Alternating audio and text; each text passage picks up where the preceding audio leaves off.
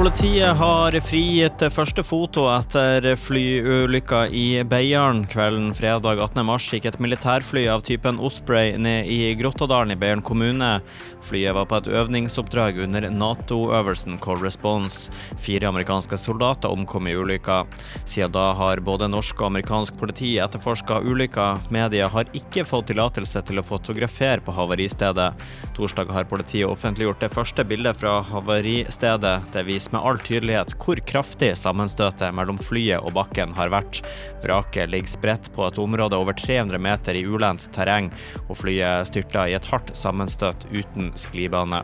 Bildet kan du se på radio3.no.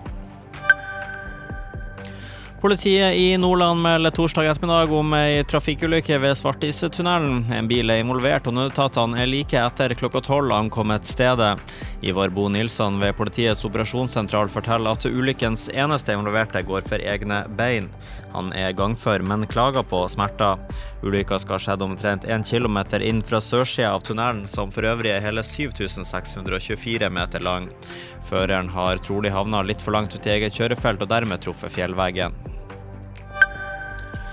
Regjeringa skal foreslå for Stortinget å gi 30 millioner ekstra til kriseberedskapsfondet for reindriften når beitekrisen fortsetter. Reindriften står i en svært krevende situasjon, sier landbruks- og matminister Sandra Borch i ei pressemelding. Reindriften er vinteren 2022 ramma av beitekrise grunnet islag og store snømengder. En ekstra bevilgning på 30 millioner kroner vil gjøre det mulig å opprettholde eksisterende ordninger og bistå reineierne med gjennom årets beiterskrise, sier Borch. Og Politiet i Nordland gjennomførte torsdag morgen en laserkontroll på E6 ved brua i Os i Saltdal. Der var det tre som kjørte for fort. Høyeste hastighet målt til 98 km i timen i 80-sona. Og det var siste nytt. I studio, Benjamin Solås.